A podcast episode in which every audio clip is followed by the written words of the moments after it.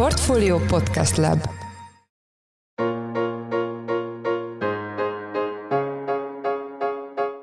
Sziasztok! Ez az első Yard, a Pénzcentrum podcast sorozatának augusztusi nyári bónusz epizódja. Ahogy már korábban jeleztük, a műsor hagyományos formájában nyári szünetre ment, új vállalkozói és befektetői életutakat majd csak ősztől dolgozunk fel.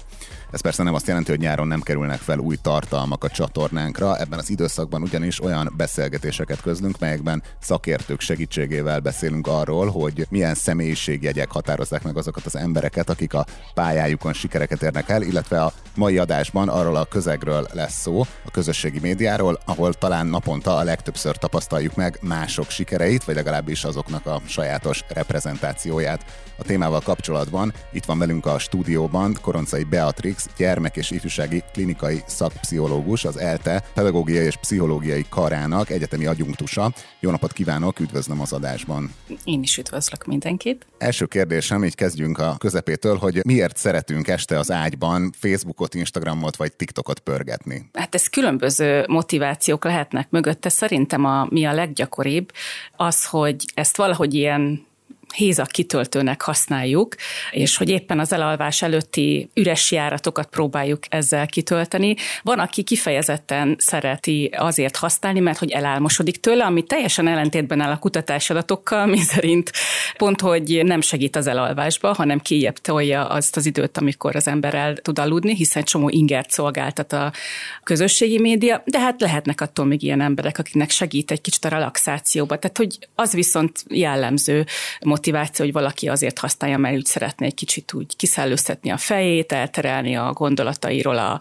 a, a figyelmet, kicsit úgy átkapcsolni. De akkor ez valahol köze lehet ahhoz, hogy nem szeretünk unatkozni, vagy így kórosan félünk attól, hogy semmit csináljunk? és akkor kitöltjük az időt? Abszolút, szerintem ez az egyik nagy rákfenéje ennek az eszköznek, hogy nagyon alkalmas arra, hogy kitöltsük ezeket a kis unatkozó perceket, ahelyett, hogy mondjuk valami okosságon gondolkoznánk. Ugye ön a témájának a szakértője, van-e még egészséges mértékű közösségi média használat? Hát persze, hogy van, természetesen van, sőt, hát a többség egészséges módon használja a közösségi médiát, és csak egy nagyon pár százaléknyi réteg az, akinek a használata mondjuk függőséget okoz, vagy, vagy függőséget jelent, és egy olyan szélesebb kör, amelyiknek mondjuk okoz valamennyi problémát, de azért nem olyan jelentős mértékű, hogy ezzel mondjuk, nem tudom, pszichológushoz vagy pszichiáterhez kellene fordulnia mi az, amit ad nekünk a közösségi média használat, vagy hogy lehet ezt jól használni? Többségében azért olyan munkaeszközként is, vagy olyan hasznos dolgokra is használjuk, mint mondjuk az információszerzés. Nagyon sokan már nem olvasnak híroldalakat, vagy akár újságot, nyomtatott sajtót, hanem a, a közösségi médián megjelenő hírekből tájékozódnak, mert hogy ezt úgy használják, mint egy ilyen gyűjtő oldalt. Tehát ugye a közösségi médiában megjelennek a fő híroldalaknak a, a hírei, és természetesen hasznos dolgok, vagy a kapcsolattartás is olyasmi, ami, ami teljesen egészséges használati mód, és nagyon sokan szórakozásra használják, tehát mondjuk játszanak rajta, vagy megkönnyíti a vásárlást mondjuk, vagy olyan reklámokat látnak rajta, amik ugye hasznosak, hiszen az algoritmus eleve olyan reklámokat dob fel, amik számukra érdekes lehet. Ezekben semmi káros vagy, vagy kártékony nincsen egy bizonyos szintig. Igazából itt akkor válik kártékonyá, hogyha az illető, aki használja, nem tudja kontrollálni a használatát, tehát hogy nem tudja abba hagyni, amikor mondjuk más dolgokra kellene fordítani a figyelmét, vagy a multitasking esetén ugye a teljesítményt azért csökkenti, hogyha folyamatosan valami más dolgot is csinál az ember a, a munkája mellett, vagy a tanulás mellett.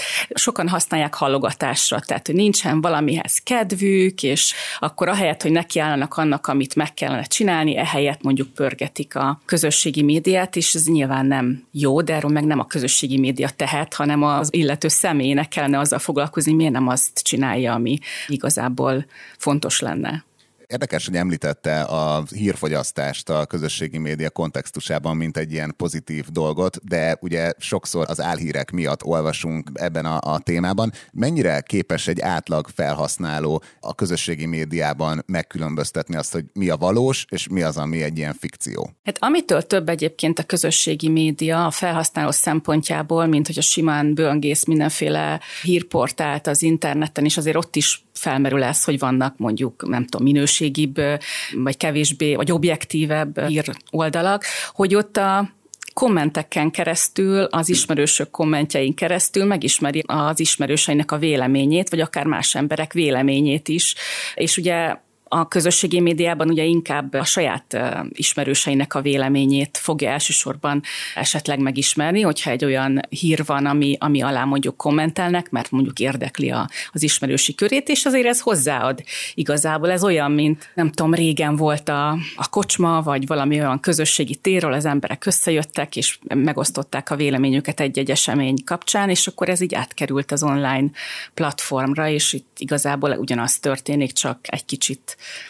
hát nem tudom, más, vannak más jellegzetességei, természetesen nem teljesen ugyanaz, de maga a motiváció az hasonló. Ugye már említette, hogy akkor válik problémás a közösségi média használata, hogyha valami más helyet csináljuk, és másnak a kárára megy, de ennek vannak-e fokozatai, vagy ezt hogy kezeli most a tudománya a problémás közösségi média vagy internet használatot? Hát, hogyha klinikai értelemben vesszük, akkor ilyen, hivatalosan ilyen betegség nincsen, vagy hát kódolható, de így kifejezetten, hogy közösségi média addikció vagy közösségi média használati zavar, ilyen nincsen. A játék használattal van, tehát a, az online vagy videójáték használattal kapcsolatban most már van. Ezzel még így specifikusan nincsen, de annak alapján, hogy egyébként a, az online, illetve videójátékban mik a kritériumok, ami alapján megalapítjuk, hogy ez most mondjuk ez egy most már betegség, vagy még nem ír el a betegség szintjét, ez alapján azért jól be lehet lőni ezt a tevékenységet is. Az egyik az, hogy mondjuk kitölti a személynek a, a nagy idejét, tehát hogy ez egy ilyen domináns viselkedésé válik, hogy minden elé helyezi, tehát hamarabb megy fel a közösségi médiára, mint hogy a családtagjaival beszélgessen, vagy a barátaival menjen el valahova, vagy dolgozzon, vagy aludjon, vagy egyen, tehát hogy mindezek felé helyezi ezt, és az ideje nagy részét ezzel tölti. A másik, amit már ugye említettem, ez a kontrollzavar, hogy nem tudja kontrollálni a, vagy a gyakoriságát használatnak, vagy az időtartamát, amit egy húzamban használ. Mindig valahogy többet használ, mint amit előre eltervezett, ha egyáltalán volt erre terv, volt erre mondjuk elhatározás. És a harmadik az pedig hát egy ilyen elég ilyen gumi kritérium, hogy ilyen jelentős mértékű károsodás szenved az élete, ami azt jelenti, hogy vagy nagyfokú distresszt okoz, tehát szorongás, depressziót, vagy pedig elhanyagolja az életének a fontos területeit, tehát akkor a, mondjuk a munka teljesítménye hanyatlik, vagy a kapcsolatai mennek tönkre. Szóval, hogy valahogy minden károsítja az illető nem tudom, életét. Tehát tulajdonképpen ez egy ilyen fontos kritérium, tehát attól, hogy valaki mondjuk sokat használja a közösségi médiát, attól még nem biztos egyáltalán, hogy ez egy függőség. A kívülállók gyakran mondják ezt arra, aki már sokat használja, ennek a kezébe van a telefonja, hogy te már függő vagy, nem is tudsz nélküle élni, de hát igazából ez ott válik el, hogy mondjuk lemond egy találkozót azért, mert úgy érzi, hogy most kényelmesebb nekem otthon, az kevésbé stresszes. Tehát, hogy akkor befolyásolja az életét ilyen szinten, hogy a funkcionalitása elvész az életének vannak-e kiemelt kockázatú csoportok a közösségi média káros használata tekintetében? Hát szegény serdülők elég gyakran kerülnek ők kockázati csoportba bizonyos ilyen addikciós problémák kapcsán, és hát nyilván itt is, aminek nyilván megvan a, a pszichológiai oka, hiszen ők rengeteg módon tudják úgy felhasználni, ami amúgy egészséges mód. Tehát egyszerűen számukra kitüntetett szerepe van a közösségi médiának.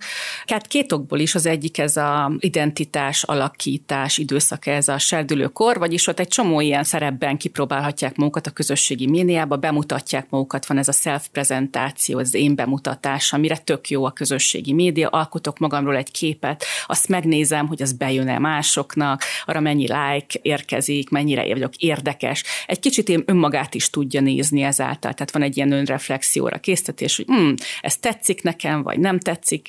Szóval, hogy ez, ez azért a serdülők számára egy, egy fontos dolog. A másik pedig, ami a kortárs csoporttal való kapcsolattartás. És ugye minden embernek fontos a kapcsolattartás, de a serdülőknek különösen fontos, hogy egy kortárs csoportba érezzék magukat, és a kortársaktól visszajelzéseket kapjanak saját magukra, meg a véleményükre, személyiségükre, külsejükre, és ez a közösségi médiában ez ilyen nagyon jól kézzelfoghatóvá tud válni. És mekkora problémáról beszélünk? Tehát gondolom a serdülőknél majdnem száz a közösségi média felhasználatnak a penetrációja. Itt van-e valami olyan adat, hogy mekkora részét tekintjük problémásnak, vagy ez tényleg mekkora ez a probléma? Hát ez azért nehéz, mert az, hogy mi a kritériuma annak, hogy problémás egy használat, az nincsen meghatározva, ugye ez kellene egy mérőeszköz, hogy akkor mivel mérjük meg, és nincsen egy standardizált olyan kérdőív, amit azt mondjuk, hogy akkor ezt most mindenkivel kitöltjük, és aki ezen ennyi pontszámot ér el, na az akkor már problémás. Tehát ugye egyrészt a különböző kérdőívek más hol vonják meg a problémásság határát, másrészt pedig nincsen arra nézve se egy konszenzus, hogyha ő elmegy egy szakemberhez, akkor minden szakember ugyanezeket a kritériumokat alkalmazva ugyanúgy ugyanúgy őt betegnek fogja tekinteni.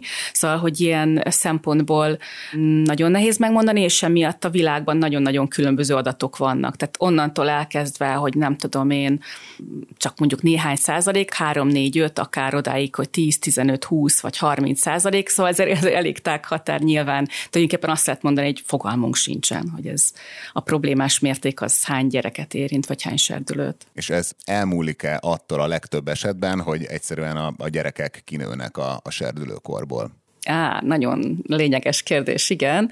Hát azt gondolom, hogy mint minden addikciónál, erre nézve sincsen nagyon sok kutatás, azt kell mondjam, de az a véleményem, hogy ez hasonló lehet, mint a videójáték függőségnél, hogy ott viszont erre nézve volt néhány kutatás, és azt találták, hogy a többségében, tehát mondjuk egy ilyen 60-70 százalék esetében ez, te, ez egy átmeneti állapot. És azt gondolom, hogy a közösségi média függőség egyébként kevésbé, hogy mondjam, a súlyos foka kevésbé jellemző, mint a videójáték használatnál, el, és ilyen értelemben azt gondolom, hogy valószínűleg erre is igaz lesz, hogy ez is egy átmeneti tud lenni a súlyos fokát illetően, és aztán természetesen az, hogy használjuk a közösségi médiát, tehát abstinenciát nem lehet gyakorolni, hanem ezt egyszerűen csak valahogy egy ilyen egészséges mértékűvé kell alakítani, és azért többségében szerintem akkor, mikor a serdülők megtalálják az útjukat, tehát mondjuk, hogy vagy dolgozni kezdenek, vagy tovább tanulnak, és egyszerűen lesz valami más, amire tudnak koncentrálni, ezért megsegíti őket,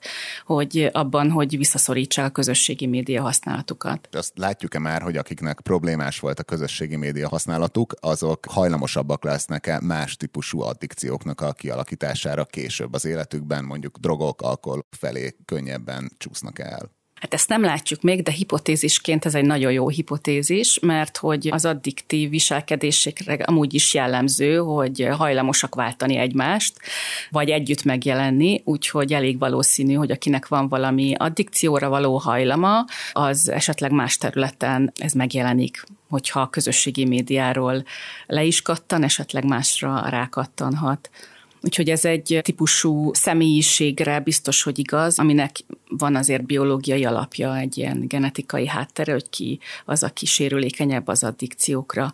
A másik, ami egyébként ilyen háttértényező, vagy amit lehet azért tudni, hogy az ADHD is egy ilyen az impulzivitás magasabb foka, és egy olyan sérülékenység, ami miatt ugye ott benne van ez a kontroll probléma, hogy amúgy is nehezen tudja a késztetéseit kontrollálni, illetve ezt az unalomtűrést, amiről beszéltünk is nehezebben. Sokkal több ingerre van szüksége az ilyen típusú embereknek, és hogy ők is veszélyeztetettebbek ilyen szempontból a közösségi médiára, mert hogy nagyon sok olyan ingert ad, amire nagyon könnyű azonnal reagálni, akár ugye ezekre a picsegésekre az okostelefonnál, hogy üzenete érkezett, hogy egy olyan ember, aki impulzívabb, nehezebben állja meg, hogy akkor ne nézze meg azonnal például. Mit lehet ilyen esetekben csinálni, hogyha mondjuk egy szülő a gyerekéről észreveszi, hogy még problémás a internet használata, ilyenkor mindenképpen el kell kezdeni valamilyen mentálhigiéniás tanácsadásra elvinni a gyereket, vagy csak figyelni kell, vagy tényleg mi, mi ilyenkor a, a, a követendő út?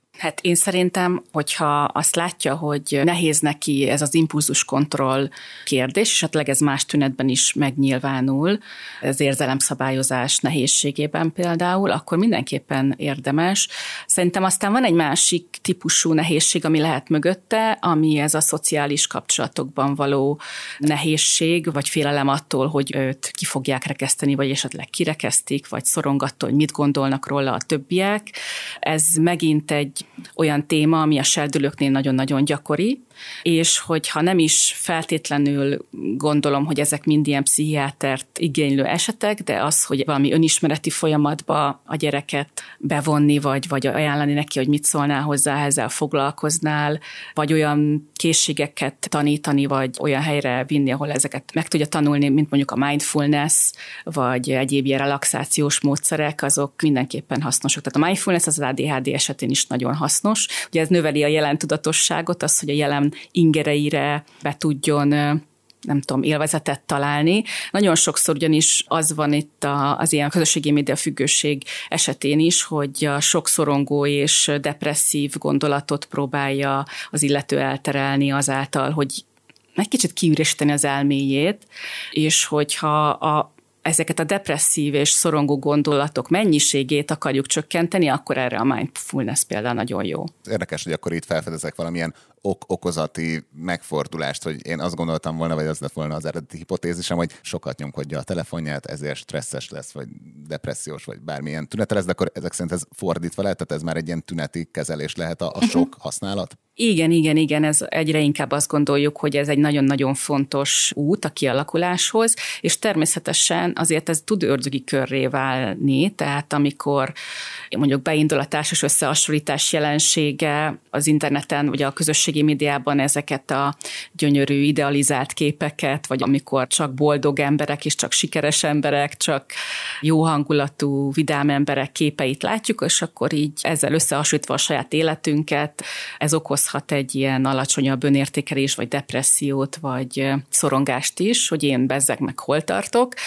És akkor ugyan ennek a szorongásnak a kezeléséhez ismét lehet a közösségi médiához fordulni. Igen, az egyénre való hatás tekintetében van valami különbség a között, amikor ezt az ilyen nagyon idealizált képet a közösségi médiában látjuk, a között, mint hogyha a hagyományos médiában, mondjuk a televízióban, vagy mondjuk egy portálon olvasunk hasonló képekről, vagy hasonló emberekről, akik így élnek, mondjuk hollywoodi sztárokról, vagy modellekről, de van-e valami különbség, amikor hasonló tartalom a közösségi médiában jön szembe? Van, hiszen a közösségi médiában azért többségében a saját ismerősi körünkben posztolt képeket látjuk, és hogy emiatt azt gondoljuk, hogy igen, velük jobban összehasonlíthatjuk magunkat. Tehát egy hollywoodi sztárral nem feltétlenül hasonlítjuk össze magunkat.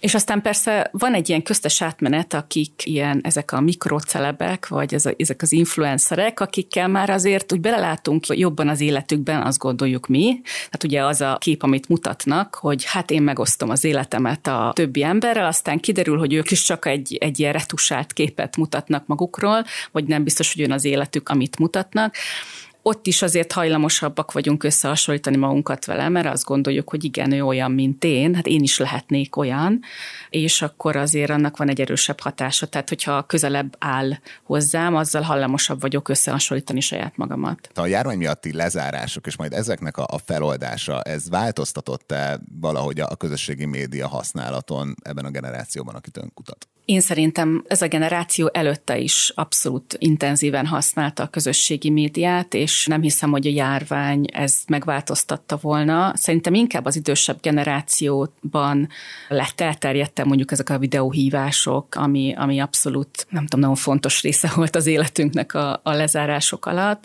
Ebben a korosztályban, amit még én tapasztaltam, inkább a klinikai praxisomban az a videójátékkal kapcsolatos volt, ahol azt láttam, hogy főleg az az élet korú serdülők, akik mondjuk kimaradt a az összeszokás az osztályukkal, tehát mondjuk akkor kezdték a középiskolát, és akkor jött be a, a lezárás, ott nagyon sok esetben okozott ez nehézséget, hogy azok, akik nehezebben tudtak kapcsolódni a kortársakhoz, ettől ez még inkább megnehezítette, hogy volt egy ilyen hosszú időszak, amikor nem sikerült élőbe találkozni egymással. Ami viszont talán összefügg a Covid-dal, az az, hogy ugye az online oktatás, középiskolásoknál azért igyekeztek valahogy ezt megoldani a pedagógusok, és nem csak ilyen feladatkiküldés volt, hanem voltak voltak online órák is, és ott például az online órák sokkal nehezebben tartották fönn a gyerekek figyelmét, és szerintem ott az a multitasking, hogy közben ők más csináltak a, az óra alatt, szerintem sokkal elterjedtebb volt. Tehát mondjuk az élőben nem feltétlenül tudnak a pad alatt, nem tudom, telefonozni, többségében, legalábbis ez a, nem tudom, képem erről,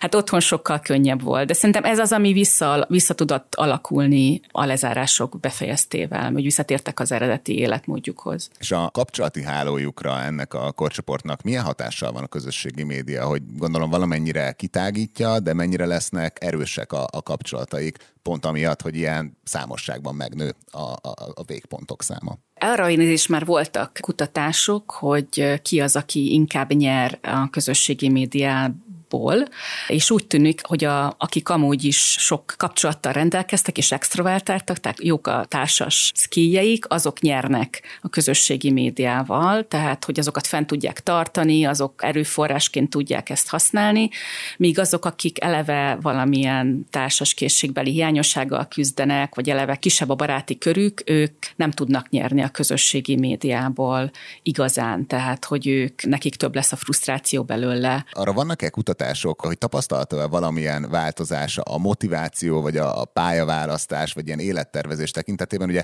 pár éve, hogyha jól emlékszem, hogy megkeresem és belinkeljük az epizódjegyzetekbe, volt egy ilyen sokkoló kutatás, ami így végigment, szerintem a magyar sajton is, de a nemzetközi sajton biztosan, hogy a gyerekek nem tudom hány százaléka már influencer szeretne lenni, és más senki nem lesz, nem tudom, orvosügyvéd, vagy közgazdász, vagy pszichológus, de hogy ez így látszik-e valamilyen változása a közösségi média miatt, ami, ami kifejezetten az ilyen motiváció, meg élettervezés tervezés tekintetében megfigyelhető? Hát magyar kutatás nem volt erre nézve, úgyhogy én csak a saját, ugye én serdülőkkel foglalkozom leginkább, tehát mint klinikai pszichológus, úgyhogy hogy ebbe a körben is azért tapintható ez, tehát hogy ha nem is influencer, de például hogy videójátékozásból megélni, tehát versenyezni, azért az megjelent a praxisomba is, és sokan használják például a, az internetet. Ugye megosztik a kérdés, hogy a YouTube az most minek számít, közösségi média vagy sem. Vannak kutatók, akik abba. A tartozónak gondolják, úgyhogy ha most én is kicsit kitágítom ennek a definíciát, akkor,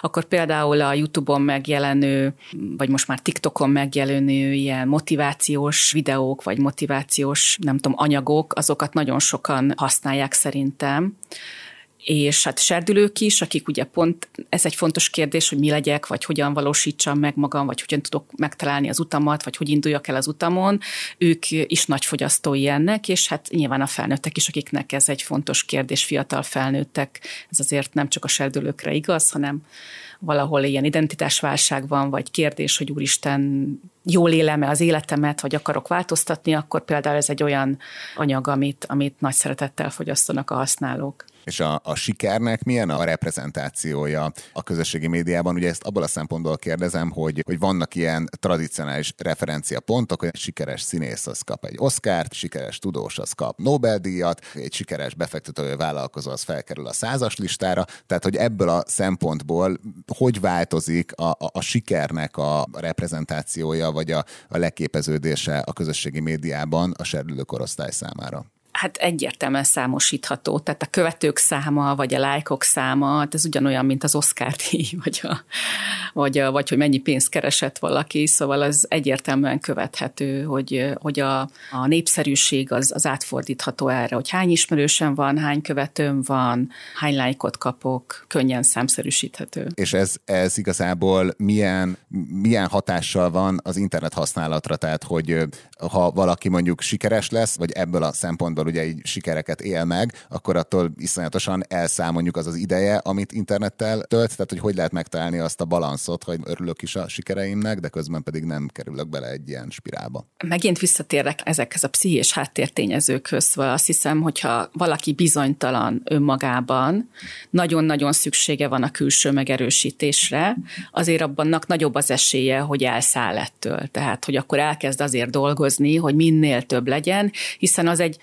nagyobb megerősítés, akkor ha én nagyon bizonytalan vagyok magamba, akkor nagyon nagy megerősítés szükséges arra nézve, hogy el tudjam hinni, hogy vagyok valaki, hogy értékes vagyok, hogy mások érdeklődnek irántam. Hát szerintem itt vannak ilyen, ilyen hajtóerők a háttérben. Köszönöm szépen a beszélgetést. Ez volt az első Yardnak az augusztusi bónusz epizódja. A témánk az a közösségi média használat volt. Köszönjük szépen vendégünknek, Koroncai Beatrixnak, gyermek és ifjúsági klinikai szakpszichológusnak, hogy itt volt velünk a műsorban. Köszönjük szépen, hogy elfogadta a felkérésünket. Szívesen köszönöm a meghívást.